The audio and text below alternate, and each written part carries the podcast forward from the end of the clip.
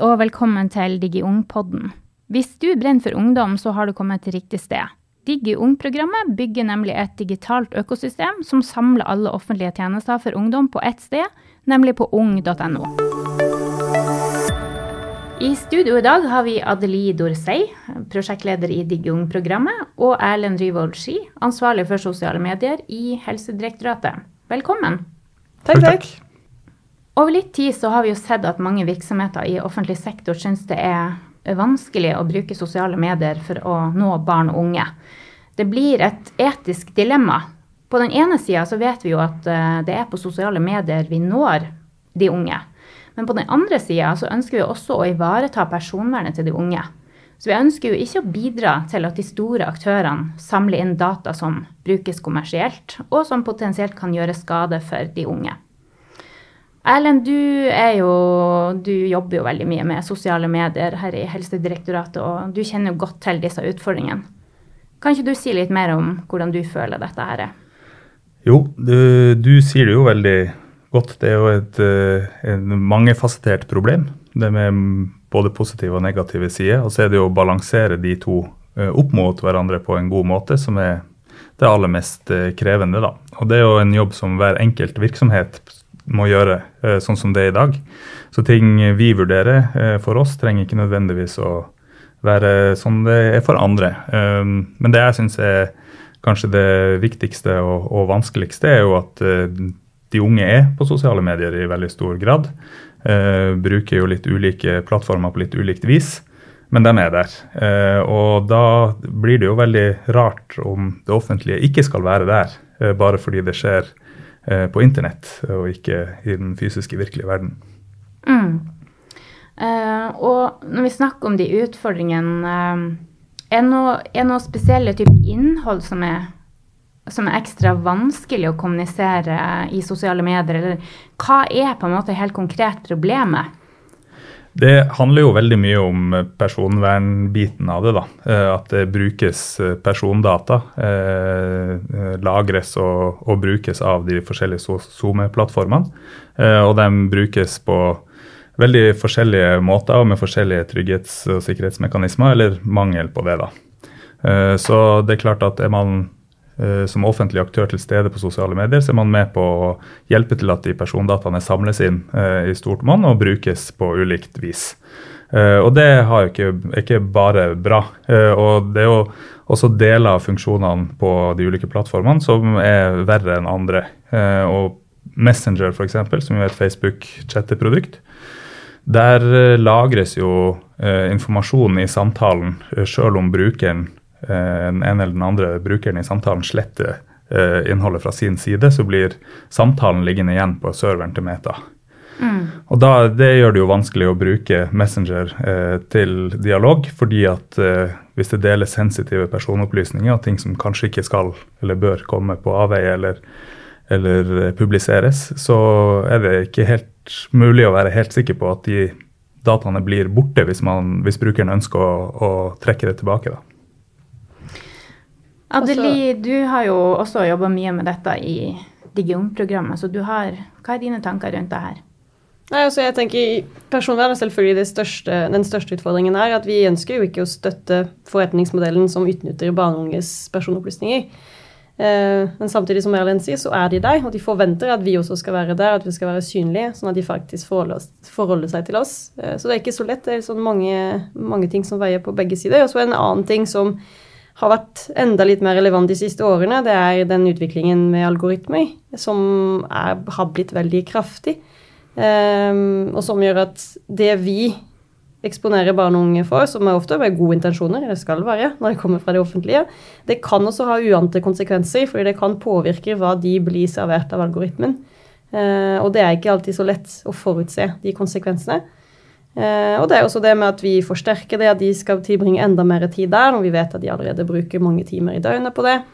Det er, eh, det er mange, mange slagsider. Eh, men så som Erlend sier, da hadde vi hatt et fysisk arena hvor over 90% av barn og unge var til og med daglig, så hadde vi aldri funnet på å ikke være til stede eller å ikke forholde oss til det eller tenke at vi skal trekke oss ut fra den. Um, Og det, så, så det, er nesten, det, det, er nesten vanskelig å se på det som et alternativ for sosiale medier. Men vi må bare finne måter å være til stede på mest mulig etisk måte, og så eh, gjerne da sluse dem ut derfra, derfra til mer eh, sikre og kvalitetssikre kilder og til tryggere tjenester når det gjelder personvern.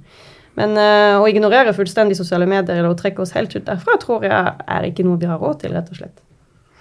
Ja, og du var litt inne på det om algoritmer. For det det snakka om i stedet med innhold. Er noe type innhold? For da er det vel at hvis vi prøver å, å dele en eh, La oss si en, vi har en kampanje mot cannabis.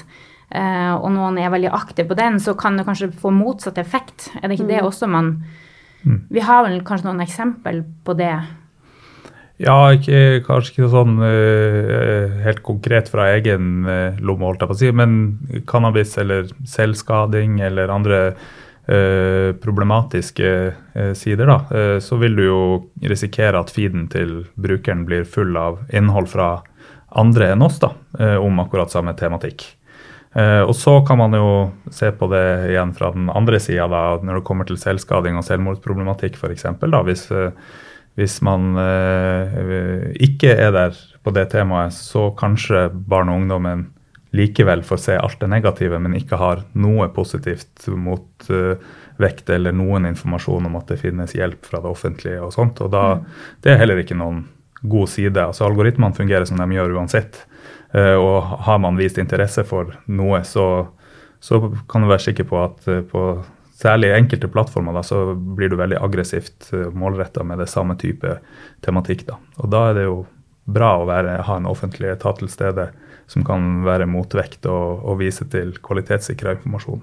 Mm. Men offentlig sektor har jo spredd informasjon på sosiale medier i mange år. Uh, og det er også mange år siden vi fikk GDPR. Så hva er grunnen til at vi har satt dette på agendaen akkurat nå?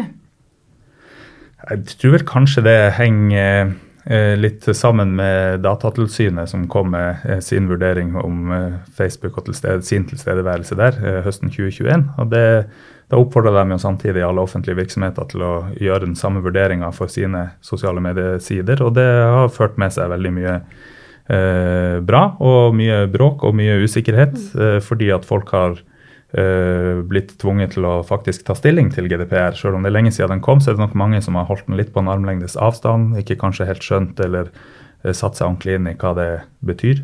Jeg tror ikke alle hadde skjønt da når GDPR kom ut, at det at du bruker et sosialt medium for å kommunisere med brukerne dine, innebærer at du har blitt du behandler personopplysninger. Tror, den tror jeg kom opp som et lys ja. når Datatilsynet kom ut med tilslutningen sin. Ja, og der, De refererte jo også til uh, saker i Tyskland, hvor det jo også mm. har blitt offentlige etater som har blitt dømt for, uh, for brudd på personopplysningsloven. Derfor uh, at de er medansvarlige for behandling av personopplysninger på, på, Facebook. Så det er ikke bare Facebook som har behandlingsansvar. Mm. og det er jo, Når det kommer dommer og ting blir rettskraftig, så så skjer det jo fort mye i Det blir aktualisert på en helt annen måte. Mm. Ja. ja. og de utfordringene vi snakker om her, er jo absolutt ikke noe quick fix. Um, men vi har jo begynt å jobbe litt med det, og Digi Ung-programmet har jo tatt litt tak i dette, også i samarbeid med, med Erlend. da. Men Adelie, kan ikke du si litt om hva vi egentlig har gjort uh, siste tida? Mm. Ja, altså Vi har hatt litt forskjellige målgrupper. og så En ting har vært det vi har gjort mot barn og unge, selvfølgelig da i samarbeid med Bufdir og ung.no. Eh, og det andre er hva vi har prøvd å gjøre for å få til litt mer helhetlig tilnærming i det offentlige generelt. da. Når det gjelder barn og unge, så har vi jo vært veldig opptatt av å kommunisere litt mer rundt personvern eh, og generell nettvett. Det fins veldig mye bra innhold om det på ung.no. Um, og vi har jobbet i samarbeid med mange forskjellige frivillige organisasjoner og andre som bruker sosiale medier og f.eks. chattjenester eller samtaletjenester med barn og unge om å kommunisere om uh, personvern, f.eks. via personvernerklæringer, på en måte som gjør at ungdommene faktisk forstår uh, hva det innebærer, og hva de kan gjøre, og hva de har å velge mellom. Uh, og det tror jeg er et viktig grep. Og så tror jeg vi har fortsatt mye vi kan gjøre i den retningen. Uh, og vi har også hatt mange diskusjoner om personvern med ungdomspanelet vårt, så Digi ungdomspanel. Der har vi ungdommer fra hele landet og i alder 13 til 20 som vi, på en måte, med hvem vi drøfter sånne problemstillinger og hvordan vi skal kommunisere rundt det, og hva de syns er um, innafor og ikke, og hva de forstår og ikke. Så det er en, en viktig del. Eh, men ikke minst har vi jobba veldig mye på tvers eh, i det offentlige. Vi har snakket, eh, Det siste vi gjorde, var i forrige uke hadde en stor nasjonal tverrseksuell workshop. Vi hadde over 70 deltakere der. Inkludert flere av ungdommene i ungdomspanelet, men også da en hel haug med voksne ansatte i offentlig og frivillig sektor. Så vi hadde kommuner, vi hadde direktorater, vi hadde departementer, vi hadde ja, mye på både kommunal, statlig og frivillig. Eh, Datatilsynet var til stede. Eh, og vi hadde en diskusjon nettopp om det. Hvordan kan vi i det offentlige prøve å være til stede i sosiale medier på mest mulig etisk måte, da. Det var veldig spennende diskusjoner. Og det er veldig åpenbart at den situasjonen vi er i nå, hvor hver enkelt virksomhet må forholde seg til den samme problemstillingen, men må gjøre sine egne vurderinger ut ifra egen kompetanse og egen ståsted, er ikke optimalt nødvendigvis. Um, for det er jo veldig stor forskjell mellom hvilke ressurser og kompetanse man har tilgang til når man er en liten organisasjon eller en stor en, og i forhold til både penger, situasjon og rett og slett kompetanse kompetanse inhouse og ressursbruken. Uh, og det er litt ugunstig at alle må gjennom de samme vurderingene, kanskje 100 200-500 ganger, eh, fordi hver enkelt virksomhet må gjøre det for seg sjøl. Og at man kommer kanskje til litt forskjellige konklusjoner, eller at ikke alle finner den komplette listen da, av uh, ting de skal forholde seg til. Så det er noe vi har diskutert, at kanskje vi kan gjøre den prosessen litt mer helhetlig, og kanskje vi kan hjelpe hverandre og ha en litt mer felles tilnærming til det. Fordi vi er alle i samme båten, det kom veldig tydelig på i workshopen. Ja, og det lurte jeg litt på. Altså, man hadde vel noen hypoteser før man gikk i den workshopen. Og, og, hvordan var utfallet, på en måte? Hva var det, liksom, Hvis dere skulle ta noen konklusjoner? Vi har vel ikke kommet så langt at vi kan konkludere veldig eksakt. Jeg vet ikke om du har rukket å lese gjennom mer av det som kom inn, Adelie? Jo da, jeg har, jeg har, lest litt gjennom eh, de ulike idéforslagene. Altså, som, som workshopen var lagt opp til, så starta vi med å bli litt enige om hva som var utfordringssituasjonen, og hvilke muligheter og trusler vi hadde eh, i fellesskap. Eh, og finne ut at vi egentlig hadde veldig mye til felles. Og så har vi da jobba eh, på tvers med å finne forslag til konkrete ideer eller konkrete tiltak som kan gjøre det enklere. Og Det er klart at det er veldig mye forskjellig som har kommet. Eh, det er over 70 ideer da, som er meldt inn etter den workshopen.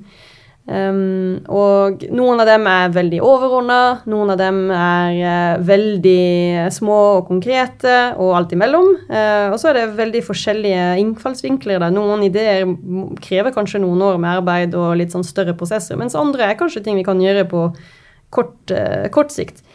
Så det er litt av jobben nå fremover, det tenker jeg. Det er å sortere dem litt. Vi har jo sagt at eh, det er det vi skal eh, sette i gang etter sommeren. er Å se gjennom disse tiltakene, sortere dem litt på hva vi kan gjøre noe med nå. Hva som er eh, på en måte lavthengende frukter, da.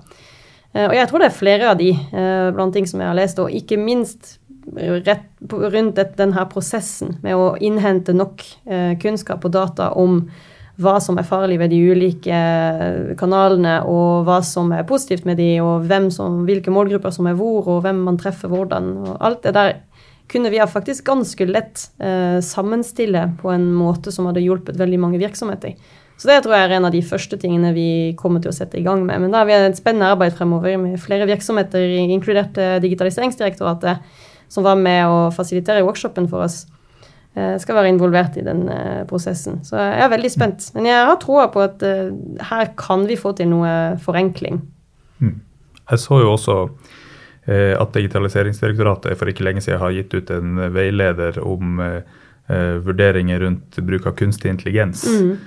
den er jo også ganske konkret og nyttig, og da tenkte jeg at en, en sånn type sammenstilling kunne ha vært nyttig for mange, tror jeg, også på personvern og SoMe-feltet. Absolutt. Mm.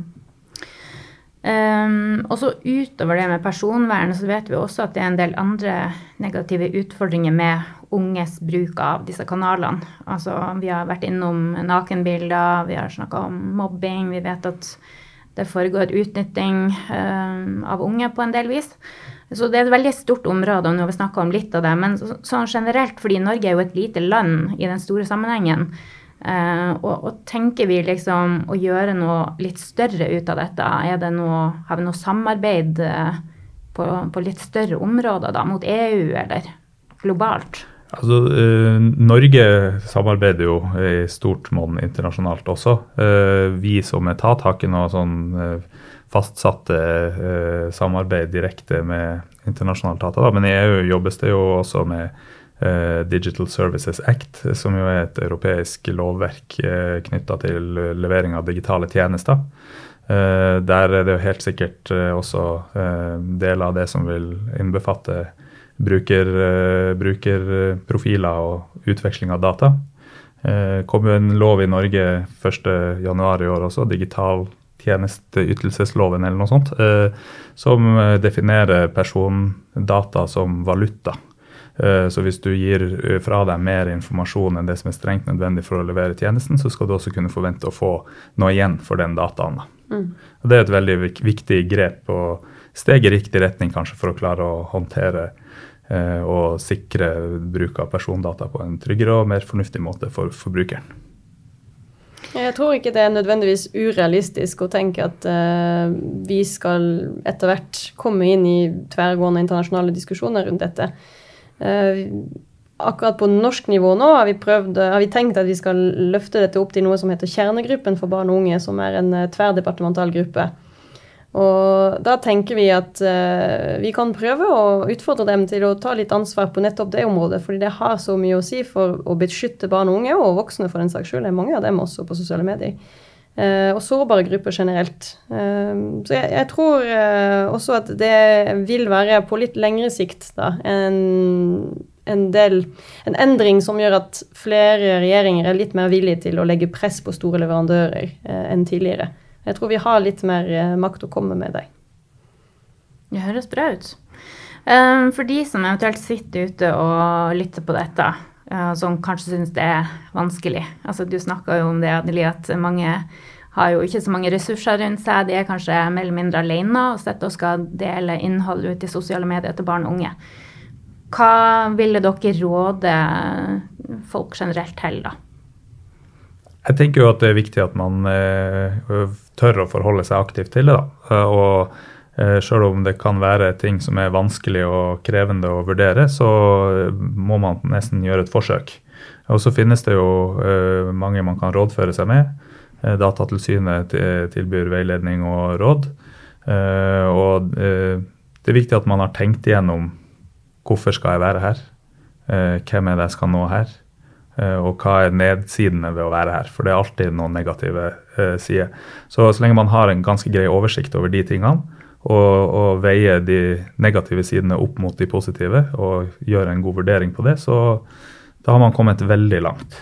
Mm. Og det var veldig, som var noe av det mest spennende med denne workshopen, det var å se hvor eh, nesten overraska folk var over hvor nyttig det var å snakke med eh, personer fra andre virksomheter. Fordi vi hadde blanda jurister og kommunikasjonsfolk og teknologer og fagfolk, andre fagfolk. Eh, og alle var enig i alle tilbakemeldingene vi har fått, at det var så nyttig å snakke med andre med andre perspektiver og andre virksomheter rundt dette. Så jeg tror også at uh, til de som jobber med dette, så er det en viktig og nyttig vei å gå. Snakke med flere og høre om andres erfaringer, og høre om andres tabber, ikke minst. Mm. Mm. Veldig mange gode innspill der.